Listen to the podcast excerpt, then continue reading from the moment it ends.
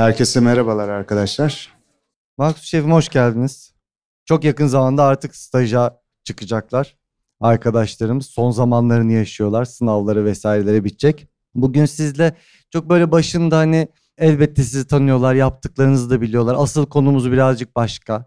Biraz böyle sosyal sorumlulukla ilgili de yaptıklarınızla da. E, Michelin yıldızı kazandınız ama bunun yanında bir yeşil yıldızınıza da sahip oldunuz aslında. Ee, biraz bunlarla da ilgili ama genelde insanlar hep son gelen şeylerden değerlendiriyorlar. Ben sizi çok eski tanıyorum. 8 İstanbul zamanlarınızı biliyorum. O süreçten bu sürece gelene kadar aslında hep aynı noktadaydınız. Pandemi öncesinde de bu atıkları yönetmekle ilgili, plastik kullanımını azaltmakla ilgili, mutfaktaki atıkları azaltmakla ilgili çok şeyler yaptınız. Pandemiyle beraber birçoğu böyle bir yıkıldı, bir şeyler oldu. Ee, hem siz böyle çok kısa öğrencilerimiz tanısın istiyoruz. Bununla ilgili neler yaptınız, e, fikirleriniz neler, hali hazırda şu andaki durumla ilgili de yaptıklarınızı öğrenmek isteriz. Olur. Nasıl başlasak? Ufak hayatınızı anlatın bence 5-10 dakika çünkü şey e, merak ediyorlardır. Peki. Okuyamayacakları şeyler vardır, bilgiler vardır paylaşacağınız kendinizle ilgili. 46 yaşındayım. 1976'da İskenderun'da doğdum. İskenderun ve Antakyalıyım yani. 30 yaşımda yemek profesyonel olarak mutfakta pişirmeye başladım. Dolayısıyla yaşı 30 civarı olan arkadaşlar varsa hiç endişelenmesin. Çok şey kaybetmediler. Günün sonunda işte 10-15 yıl yapacağınız bir meslek olarak görmediğiniz sürece bir sıkıntı yok. Bunu meslek olarak görmediğiniz sürece hiç sıkıntı yok. Ben açıkçası yaşam biçimime göre bir yön çizdim kendime. Ee, ve yaşam bi- biçimimde de ön tarafta olmaktansa mutfak tarafında olup daha fazla üretebilmeyi hedefledim ve bu beni daha fazla mutlu ettiğini gördüm ve ona odaklandım. Bu süreç içinde tabii ki yapmak istediklerim, özellikle mutfakta yapmak istediklerim, öncelikle bu vatanın evladı olduğum için kendi yemeklerimi nasıl daha fazla insanlara tanıtır, paylaşabilirim ona odaklanmaya çaba gösterdim ve hedefim hep o yönde oldu ve ona göre hareket ettim. Şu anda geldiğim noktaya da aslında e, bu aldığım karara borçlu olduğumu düşünüyorum. Aslında ilk çıkış noktanız sizin de mutfak değildi. Ben Yani 30 yaşında başladınız ama öncesindeki Lise- hikaye de çok başka. lise ve üniversitede turizm otel işletmeciliği okudum. E, mutfak eğitimi almadım. Üniversitede mutfak dersimiz vardı. Yönetici olmak için, yönetici olabilmek için, başarılı bir yönetici olabilmek için e, yemek pişirme teknikleri, mutfak e, teknikleri, dünya mutfakları ve benzeri e, derslerin işlendiği e, mutfak teknolojisi dersimiz vardı. Hocamız da Bikek Hocaoğlu'ydu. E, zaten bizim okuldan ayrılıp daha sonra Yeditepe Gastronomi e, bölümünü açtı. E, çok şey öğrendik. E, yönetici olmak için öğrendik ama hiçbir zaman bir gün bu e, aldığım derslerin e, mutfağın içinde bana yardımcı olacağını tahmin etmiyordum. E, nitekim de öyle oldu. E, uzun yıllar bar e, kökenli çalıştım. Sonra yöneticilik yaptım başkaları adına. Daha sonra kendi işletmemde yöneticilik yaptım. Sonrasında da işte 30 yaşında e, bir sayfiye yerindeki bir kafenin e, çok sevip ortağı olup üç buçuk ay boyunca yazın kendimi mutfakta yemek pişirir bulup sonrasında İstanbul'da ilk restoranımı açtım. Hikaye de ondan sonrası bildiğiniz gibidir zaten muhtemelen. Sosyal sorumluluklardan bahsedeceğiz. Bu deprem bölgesinde sizin de çok katkılarınız oldu. Oradaki üreticilerle hala olmaya devam ediyor. Buralarda neler yapıldı, neler oldu? O ilk dönem, ilk iki hafta e, neler yaşadınız, neler yaptınız? Öğren biz biraz önce işte konuşurken de şey yaptık. Aşçılık sadece e, çoğunlukla böyle yemek yaptığınız bir evet meslek ama başka taraflara dokunabileceğiniz çok alan var. Çoğunlukla e, bu hani sadece depremle ilgili de olmadı. E, başka afetlerle ilgili de oldu. Pandemi zamanında da oldu. Bunların hiçbir tanesinin olmadığı zamanlarda da hani yedi e, konuşmacıları gelmişti yurt dışından. Orada okullarla ilgili yapılan çalışmalar da oldu. E, hapishanelerle ilgili yapılan şeflerin bir sürü çalışmaları oldu. E, siz neler yaptınız bu anlamda birazcık hani örnek ve ilham olması adına sizin yaptıklarınızı duymak istiyoruz. Deprem zamanı değil mi? Hepsi olur. Öncesindeki olur, deprem zamanı olur. Valla öncesi ya çok fazla açıkçası şey duruşunda değiliz hani bunu yaptım, şunu yaptım, şöyle yaptık, böyle yaptık diye ama hani özetle aslında nelerin yapılabileceğine fikir vermesi açısından e, sadece yapılanları bir paylaşabilmek isterim. Depremle başlayayım sonra diğer tarafı geçsin. E, 46 yaşındayım. Bundan tam 23 sene, 23 yaşındayken, 23 sene önce 23 yaşındayken 99 Gölcük depremi oldu. İstanbul'daydım, çok büyük hissettik. Ertesi gün işe gittim.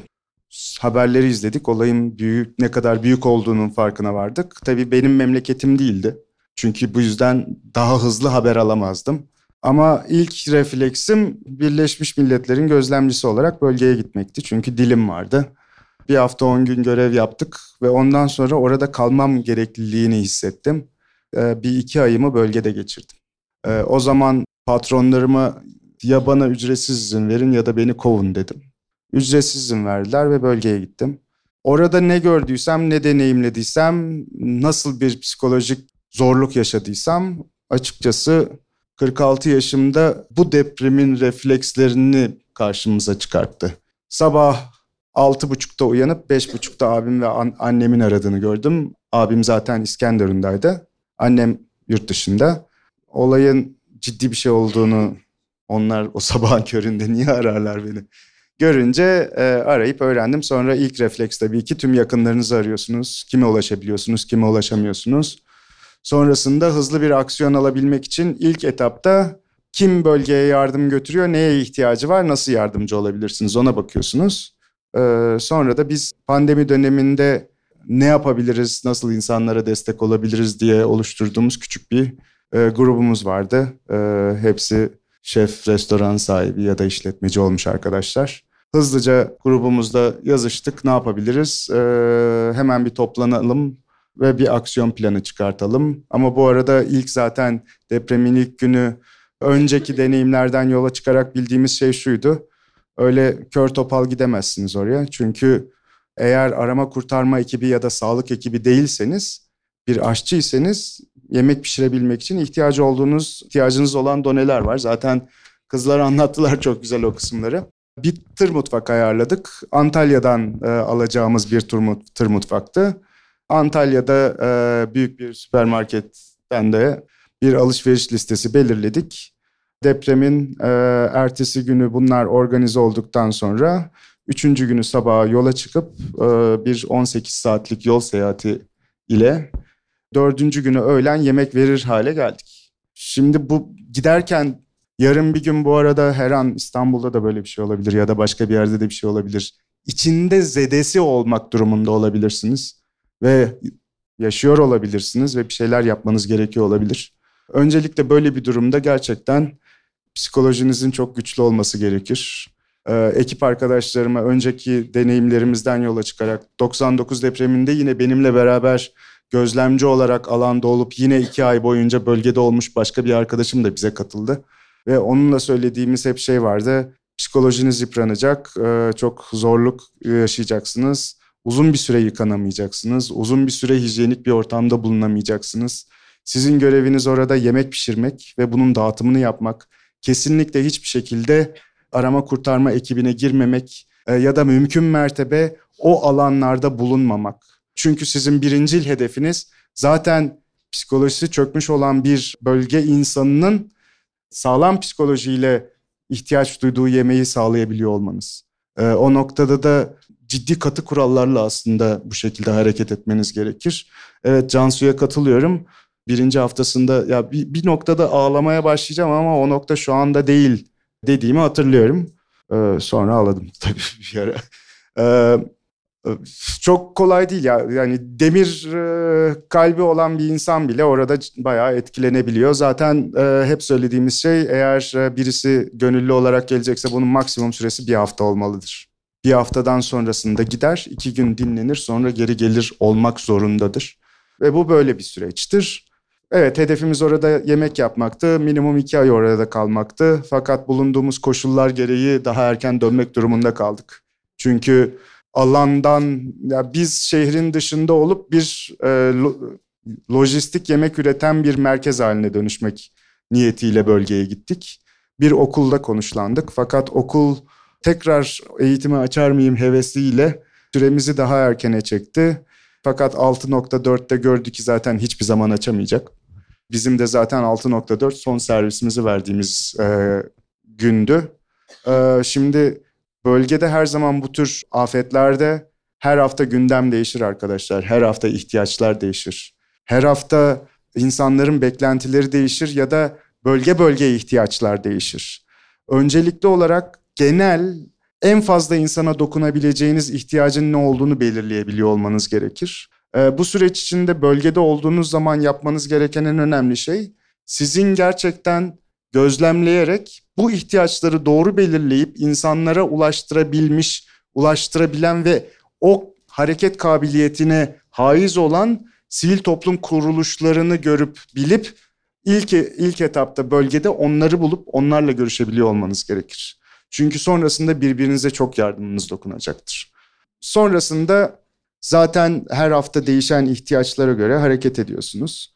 Ee, şimdi sizin de söylediğiniz gibi kızlar zaten yemek yeme ihtiyacı birincil öncelik evet. Ve belli bir süre sonra artık sistem o kaotik e, durumdan çıktıktan sonra sistem oturduktan sonra zaten yavaş yavaş daha organize aşevleri oluşturulmaya başlanıyor. Bu yüzden siz ilk başlarda bin, üç bin, beş bin, on bin, on beş bin kişiye yemek verirken o, o sayıyı gittikçe yavaş yavaş düşmeye başlıyor. O noktada da e, biz de bunu öngörerek ikinci fazda ne yapabilirizin üzerine gitmeye başladık. E, döndük bir hafta e, toplantılarımızı yaptık, görüşmelerimizi yaptık. Hatta 6.4'ün üzerine İzmir'e gittik bir toplantıya. 4.4 tuvalette yakalandım valla.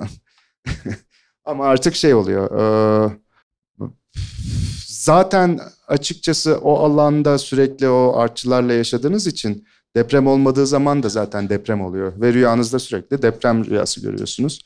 Bu yüzden de çok rahatsız etmiyor. O noktada dön, dönüp biz ne yapabiliriz? Neyi görüyoruz, ne eksik var ve neye ulaşabiliriz ve nasıl katkıda bulunabiliriz dedik. Birincisi biz bir adı olan bir ekip değildik. Dolayısıyla herhangi bir şekilde insanların gözünün olunda, önünde olan da bir ekip değildik. Ve hızlı hareket kabiliyetimiz vardı ve bölgeyi iyi tanıyorduk. Bu yüzden de döndüğümüz zaman yaptığımız şey bölgedeki tüm kadın kooperatiflerinin listesini çıkartıp tek tek onları arayıp ziyaret edip ihtiyaçlarının ne olduğunu belirleyip tekrardan kısa, orta ve uzun vadede istihdamlarını tekrar canlandırabilmek ve üretimlerini tekrardan e, sağlayabilmek için ne ihtiyaçları olduğunu belirleyip ona göre bir yol e, haritası çizmek üzerine bir rapor hazırladık aslında ikincide. E, bir üçüncü projemizde şey oldu.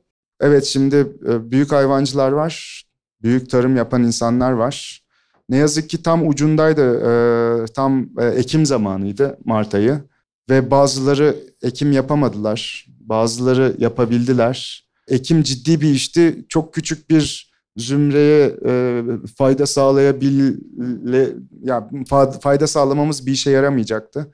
Bu yüzden de biz e, göz önünde olmayan tamamıyla geçimini 3 5 10 adet hayvandan sağlayan küçük çiftçileri ve köylüleri nasıl destek verebiliriz üzerine düşündük ve e, onların ihtiyaç duyabileceği yemleri belirleyerek o hayvanların hayatta kalabilmesi ve o hayvancıların hayvanlarını 3-5 katı daha ucuza ya da yok pahasına satmasını engelleyebilmek adına bir yem e, ihtiyaçlarını belirleyip o projeyi başlattık. Tabii ki şimdi bölgenin tamamını 11 şehrin tamamına yardım edemezsiniz ama en azından küçük bir e, yerde bir model oluşturup o modelin içinde ne yapabileceğinize bakarsınız. Hiçbir zaman büyük çaplı bir afette açıkçası sivil toplum kuruluşu olarak her şeyi tamamıyla yapamazsınız. Yani elinizde bir milyon adet diyorum bir ton pirinç varsa 11 ile dağıttığınızda kişi başına 100 gram düşeceğini tek bir merkez e, örnek pilot bölge oluşturup o örnek pilot bölgenin yaptığınız şeyin ne kadar başarılı olduğunu gösterebilip bu başarıyı gösterdikten sonra orta ve uzun vadede bunun sürdürülebilir kılınabilmesi için fon davetleri oluşturabilmeniz gerekir. O noktada da bizim aslında hedefimiz e, o oldu. E, önce analiz ettik, raporladık, sonra toplantılarımızı yapmaya başladık. Ondan sonra nasıl fonlar oluşturabiliriz dedik. Bölgede en başından beri dirsek temas çalıştığımız Hayata Destek Derneği ile bir işbirlikteliği yapmaya karar verdik. O noktada Hayata Destek Derneği üzerinden bağış e, çağrısı, e, yardım çağrısında bulunduk. Tabii ki bu süre içinde de bir yandan bizim orada bulunmamız açıkçası bizim bir okulun içinde bulunmamıza en büyük destek veren de Mutfak Sanatları Akademisi'ydi. Çünkü ilk önce niyetimizi belirleyip paylaşıp nasıl birbirimize destek oluruz'u konuştuk. O nitekim de o şekilde bölgeye gittik. Şu anda da Mutfak Sanatları Akademisi bu projelerin içinde ortak işbirliği içinde ne yapabiliriz onu konuşuyoruz. Çünkü kısa vadeli bir durum değil bu. Ne yazık ki maalesef bugün 93. gün. 93 değil mi? 92 mi 93 mü? 93. gün. Hala yokluk içinde orası ve hala çok ihtiyacı var ve hala uzun bir süre öyle olacak arkadaşlar. Şu anda hala Van'da, konteyner kentte yaşayan insanlar var arkadaşlar. Van depremi ne zaman oldu? Ne yazık ki maalesef bu kadar aciz olabiliyoruz biz insanoğlu olarak. Ama şu anda ciddi anlamda evet asrın e, afeti bu. Ve hani milyonlarca insan etkileniyor bu durumdan ve bir şekilde bizim de bir şeyler yapabiliyor olmamız gerekiyor uzun vade. En az birkaç sene, en az 3-5 sene bu şekilde devam edecek. Yani gastronomi başkenti diye kabul ettiğimiz şehirlerden bahsediyoruz ya. Hepimizin etkilendiği, hepimizin e, beslendiği şehirlerden bahsediyoruz ve yoklar artık. Yani o restoranlar yok artık. O insanların birçoğu yok. Süheyl Budak var Süheyl abi. Süheyl abi Antakya Mutfak Gastronomisi, Antakya Mutfak, e, bu, ya Antakya Yemekleri kitabını yazan adam. Ve yeni kitabını basmak için son reçetelerini toparlıyordu. 640 tane tarif var arkadaşlar. Ve bu tariflerin hepsi kadınlardan toplandı. Süheyl abi çok şükür ilk aradıklarımdan biriydi, yaşıyor. Ve söylediği şey tarif topladığım ne kadar kadın varsa maalesef hiçbiri yaşamıyor dedi Maksut. Şimdi bu tariflerin hayatta kalabilmesi ve bunların devam ettirebilmesi için sizlerin yapacak çok şeyiniz var. Ee, neler yapabileceğinizi düşünebilmek için çok fırsatınız var. Hele hele zaten MSA ile ortak bir işbirliği içindeyken bu noktada belki okulunuza beraber arkadaşça bir araya gelip yeni projeler üretip öneri götürebilirsiniz. Yani hayıflanmayın, aktif olun, bir şeyler düşünün, bir şeyler yapmaya çalışın. Evet, daha yapılabilecek çok şey var. Dediğim gibi önümüzde şu anda ilk kısa vadeyi atlattık. Üçüncü ay daha orta vade ve uzun vade var. Hani 6 e, aylık, 1 yıllık, 2 yıllık, 3 yıllık, 5 yıllık süreçlerden bahsediyoruz. Belki e, toplumumuzu da e, o bilincini koruyabilerek daha bilinçli ve daha hafızalarda taze olmasını sağlayabilecek bir motivasyona e, itebiliriz. Ama ne yazık ki gördüğümüz kadarıyla bizim de deneyimlediğimiz maalesef her gün o, o motivasyon kayboluyor. Hatırlatabilmek gerekiyor. Hatırlayabilmek gerekiyor. Çünkü neden önemli? Ben sadece oralı olduğum için söylemiyorum ama ben geleneksel Anadolu mutfağı e, üzerine çalıştığım için e, beni en çok besleyen bölgenin e, Güneydoğu Anadolu olduğunu söylemekte de hiç çekinmiyorum. Ee, ama şu anda besleyebileceği çok fazla bir şey yok. Kalmadı şimdilik. Şu anda evet bir sürü restoran yavaş yavaş açılmaya çalışıyor ama iptidai koşullarla bir konteynerin içinde ya da bir harabe olmuş dükkanın önünde derme çatma bir kulübe kurarak. Ya çok güldüm ismini vermeyeceğim bir telekomünikasyon firması çekeceği bir belgesel için beni sunucu olarak davet etmiş. Konu da 11 şehrimizdeki gastronomi e, zenginliklerini gösterecek bir belgesel çekeceklermiş. Evet. Ben nazikçe teşekkür ettim ama hani durumun e, şuurunda herkes olsun isterim. Yani şu anda hiç e, orada olmayan, o bölgeyi görmemiş olan arkadaşlarımız için söylüyorum. E, ne duyuyorsanız, ekranlarda ne görüyorsanız yanına bir sıfır koyun, onla çarpın. Şu anda oradaki durum o kadar kötü. Bu yüzden her birinizin yapabileceği çok şey var. Eğer e, açıkçası hani benim bu mutfakta bu konuşma serisinde bunları konuşmam e, bana biraz garip ve absürt geliyor ama eğer bunları konuşuyorsam da biraz da sizin sorumluluğunuz olduğunu telaffuz ediyor olmam e, bir o kadar absürt gelmiyor arkadaşlar. Bu yüzden de e, şu ana kadar belki hiçbir şey yapmamış olanınız var. Bir şeyler yapmayı deneyin. Ufacık da olsa bir katkınız, bir şeylere katkınız bulunursa ne mutlu. Özellikle en önemli söyleyebileceğim şey Yarın bir gün gerçekten bu şehirde böyle bir afet olursa ki 30 senedir söyleniyor. Ne yapacaksınız arkadaşlar? Ne yapacağız? Bunları düşünebiliyor olmamız lazım. Bunları düşünebiliyor olmanız lazım. Bunların üzerine kafa yoruyor olmanız lazım. Belki de yarın bir gün öyle bir şey olur da hayatta kalırsam yanımdaki komşuma nasıl yardım edebilirimin eğitimini almak için çaba gösteriyor olmanız lazım. Evet gidin bir tane arama kurtarma ekibinin eğitimine katılın. Öğrenin en azından bilin arkadaşlar. En azından o hayat üçgeninin içinde kalmak durumunda kaldığınız zaman yaşamınızı sizi bulana kadar belki birileri bir hafta on gün nasıl sürdürebileceğinizi öğrenin. Bunlar belki her birinize duyması acı geliyor, üzücü geliyor ama bunlar her birimizin bilmesi gereken gerçekler artık. Ondan sonra nasıl yemek pişireceğimizi düşünürüz bir yandan da tabii ki. Önce kurtulmayı bilelim ondan sonrasında hızlıca zaten kurtulanlarımız bölgede öyle bir afet durumunda nasıl yemek yapacağını da bilirler. Bir de şeyden bahsettiniz. Şimdi oradaki yerel üreticiyi desteklemek için planlar, projeler, toplantılar var. Hali hazırda da oradaki üreticilerin ellerinde olan ürünler ya da mahsulleri de var. Bununla ilgili de bir şeyler var sanırım. Anladığım kadarıyla o ürünleri alıp piyasayla buluşturmak, restoranlarla buluşturmak, tüketiciyle buluşturmakla ilgili. Şimdi yapılabilecekler var. Herkesin tabii ki yapabileceğinin çapına göre yapabilecekleri var. Evet şu anda kermesler düzenleniyor ya da işte e, her birinizin alışveriş yaptığı online mağazaların içinde o deprem bölgesindeki firmaların ürünleri satılıyor. Aynı zamanda bizim üzerine çalışma yaptığımız kadın kooperatifleri de Hatay bölgesindeki kadın kooperatifleri de ürün üretmeye çalışıyorlar ve biz de o ürünlerin üretebilmeleri için elimizden geldiğince ham madde, e, paketleme ürünü vesaire sağlamaya çalışıyoruz. Şimdi bu hafta içinde şu anda ellerinde birikmiş olan ürünlerinin e, satın alımını gerçekleştirmek üzere bir aksiyon alıyoruz. Ama bu satın aldığımız ürünleri bir yandan da satabildiğimiz bir mekanizma oluşturalım ki kendi içinde çark dönsün. Ve biz sattıkça aslında topladığımız parayla yine satın alalım. Ee, satın alanlar da en azından kendi içlerinde bir katkıda bulundukları için mutlu olsunlar gibi bir mekanizma yapabilmek istiyoruz. Tabii ki bir yandan dediğim gibi her hafta dinamikler değiştiği için bir sürü akılcı fikirler düşünüyorsunuz ama bu akılcı fikirlerin de hayata geçebilmesi için çok hızlı hareket etmek zaman ve nakide ihtiyacınız oluyor ya da size, size inanan bir fona ihtiyacınız oluyor. Biz tek bir fona başvurup da aylarca beklemektense ufak ufak bir sürü farklı e, destek verebilecek insandan kaynak sağlamaya çaba gösterdik. Ama bir yandan da bugün üçüncü ayı o bu üç ayda o kadar çok destek veren insan var ki artık zaten ülkenin ekonomisi belli. Onlara da hani hadi bir şeyler yapın da diyemiyorsunuz. Bu yüzden de dediğim gibi çok basit e, bir model oluşturup ondan sonrasında daha fazla kaynağı nasıl sağlayabiliriz onu düşünüyorsunuz. İşte bu ürünü satın alıp sonra tekrar satıp tekrar satın almak bir kurgu.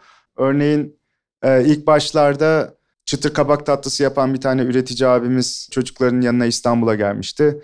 E, hızlıca ona bir üretim merkezi bulabilmek için çaba gösterdik.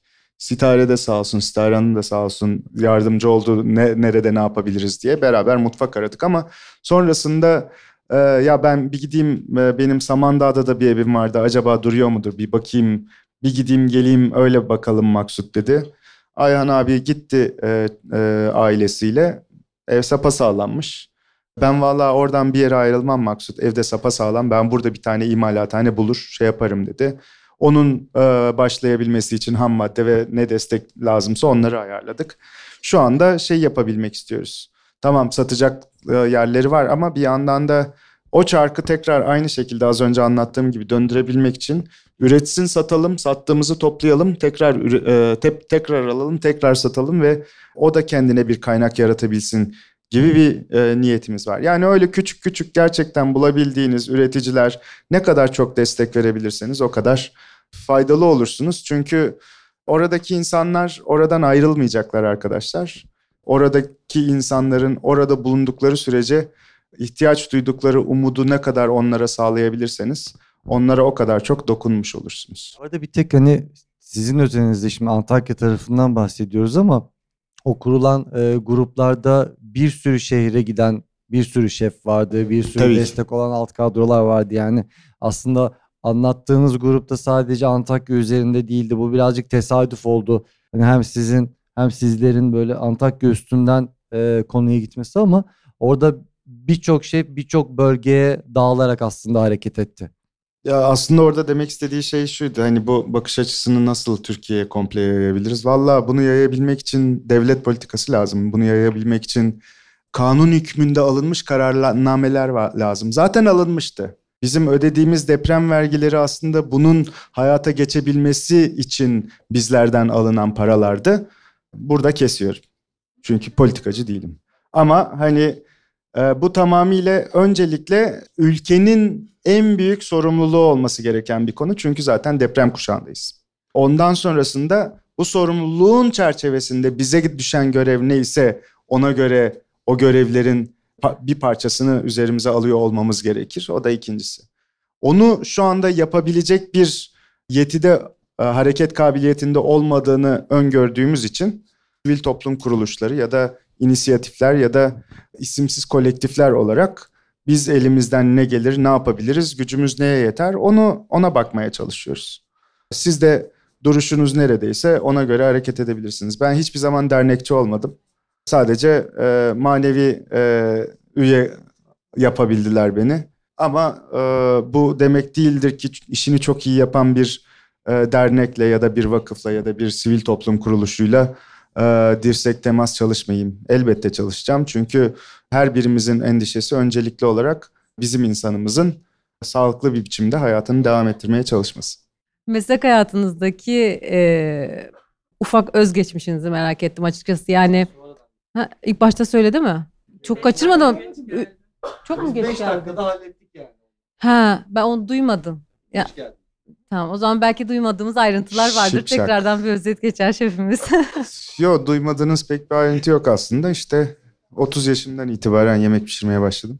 Ondan önce evet yemek pişiriyordum ama aşçı değildim. Hani zaten 30 yaşımda yemek pişirmeye başladığımda da kendimi aşçı olarak görmüyordum. Uzun bir sürede görmedim zaten. Sonra bir noktada ya ben bu işi yapıyormuşum de- dediğim bir nokta oldu elbette ama o, o bayağı bir zaman aldı.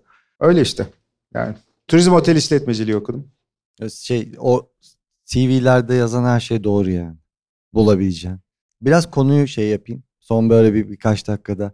Neolokal çok uz- uzun süredir aslında. Yani Türkiye şartlarında uzun denebilecek süredir e, varlığını koruyor. Son dönemde bir ödülünüz oldu. Bir Michelin yıldızınız var ama onun yanında bir de yeşiliniz var. Sizin yeşil Michelin yıldız. Bu fark nedir? Siz neler yaptınız e, da bunu size layık gördüler? O gene aslında sosyal sorumluluk tarafı da vardı işin. Gene doğaya, dünyaya e, bir katkı sağlamakla ilgili bir tarafı işin. Orada neler oldu, neler yaptınız? Onları da bir kısacık duymak Vallahi isteriz. hızlıca özetleyeyim. Ee, Michelin Yeşil Yıldızı dedikleri yıldız sürdürülebilirlik adına e, çalışmalarında layık görülen restoranlara verilen bir yıldız. Ama hiçbir zaman ha, o restorana neden, hangi koşulları sağladığı için o yıldızı verdikleri açıklanmıyor. Biz de bilmiyoruz. Ee, ama bilmek istediğimiz, daha doğrusu öyle olsun istediğimiz tek bir şey var. Biz sosyal sürdürülebilirlik üzerine e, çalışma yaptık yıllarca ve hep ön planda tuttuğumuz şey de o. Çünkü az önce söylediğin diğer sürdürülebilirlikle ilgili konuları zaten her bir şefin ve her bir restoranın zaten paket olarak onu yapması gerekiyor. İngilizce'de by Her default dedikleri. Hatta Şimdi eğer siz malı alırken e, kar ederseniz bakış açısında olan bir şefseniz ve maliyetlerinizi doğru hesaplayabiliyorsanız zaten atığınızın minimumda olması gerekir. Zaten sizin mutfak sisteminizi ona göre kurgulayabiliyor olmanız gerekir. Bunlar her birinizin zaten yapması gereken şey. Her birimizin yapması gereken şey. Yani bunu doğru yapabilmeye çalışmanın yanında ya bizim önceliğimiz biz geleneklerimizi günümüz koşullarına göre güncelleyerek gelecekte nasıl kabul görebilirinin yollarını bulmaya çalışıyoruz. Yani aslında gelenek ve gelecek arasındaki o köprüyü oluşturup mutfak kültürümüzün sürdürülebilir olmasını kılmaya çalışıyoruz. Ve yaptığımız çalışmalar hep bu yönde. Ve restoranımızda da zaten bunları nasıl yaptığımızı gelen misafirlerimize de anlatıyoruz. Ve tüm ekip arkadaşlarımız onun bilinciyle hareket ediyor. Biz açıkçası bu yüzden o yıldızı almış olduğumuzu düşünmek istiyoruz. Eski tabirde ustaların şeyleri vardı. Ee, hani atıksız mutfak atık üretme değil ziyan etme derlerdi. Kesinlikle. O ürünü yani patatesi soyarken soyacak falan yoktu eski şeylerde yani o Victorinox'lar falan yoktu. Bıçakla soyardınız ama onu soyarken fırça değerdiniz çünkü ziyan etme diye birisi e, şöyle küçük aşağıdan dokunurdu. Aslında biraz böyle malzeme bolluğunun olduğu bir dönem de vardı ve böyle televizyon programları çok yeni çıkmışken kesimler falan çok düzgün olsun. Fransız yabancı mutfakta çekilmiş videolar ya da işte e, Alice TV diye bir şeyler vardı. Ben onları seyrediyordum.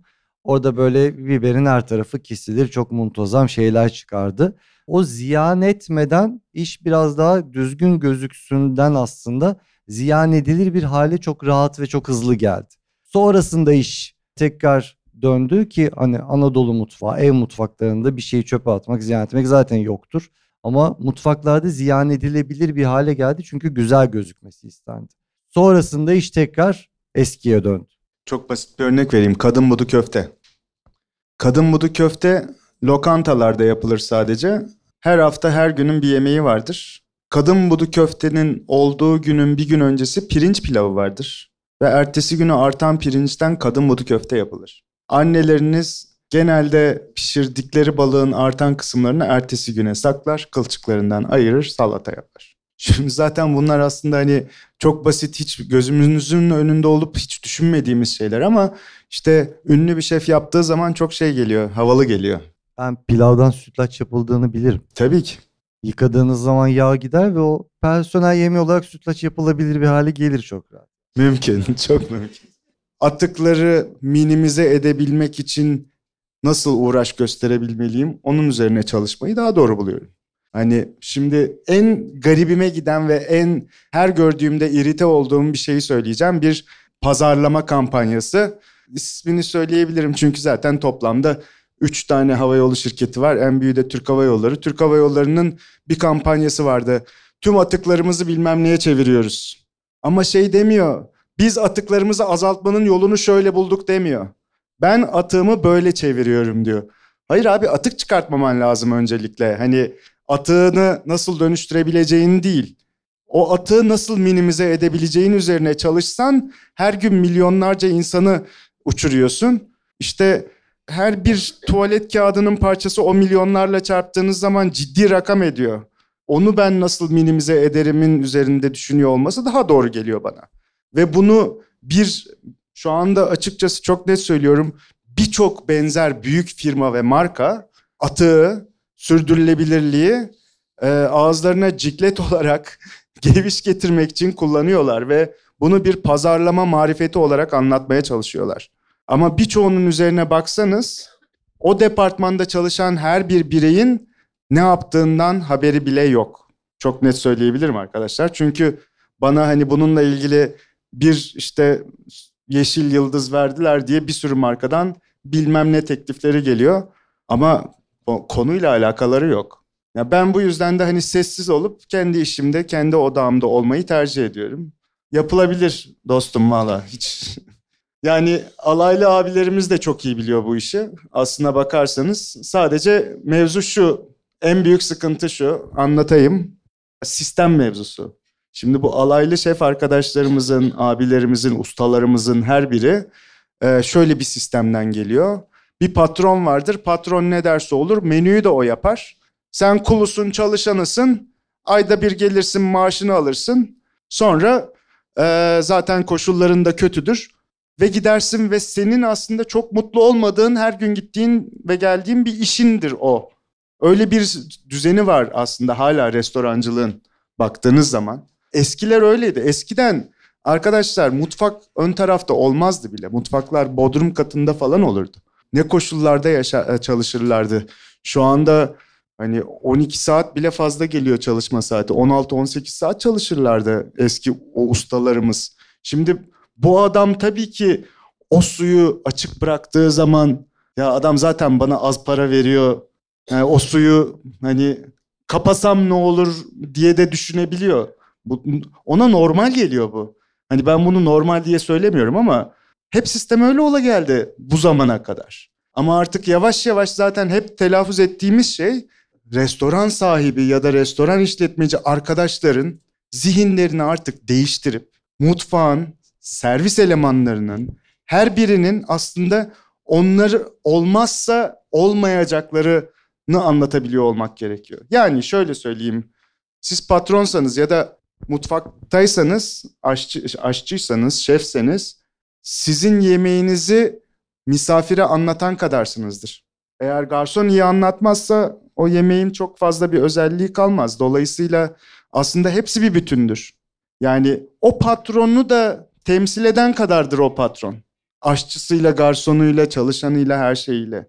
Bu yüzden hani özellikle bu yıldız mevzusu bence İstanbul restoran piyasasında, sektörde her bir patronun kendine çeki düzen verebilmesi için bana göre çok iyi bir fırsat. Ve bir zahmette çeki düzen versinler diye düşünüyorum ben. Peki çok teşekkür ediyoruz. Teşekkür ederim. Geldiğiniz için, burada olduğunuz Sağ için, olun. yaptıklarınız için. Hepinize başarılar dilerim arkadaşlar. Sağ olun.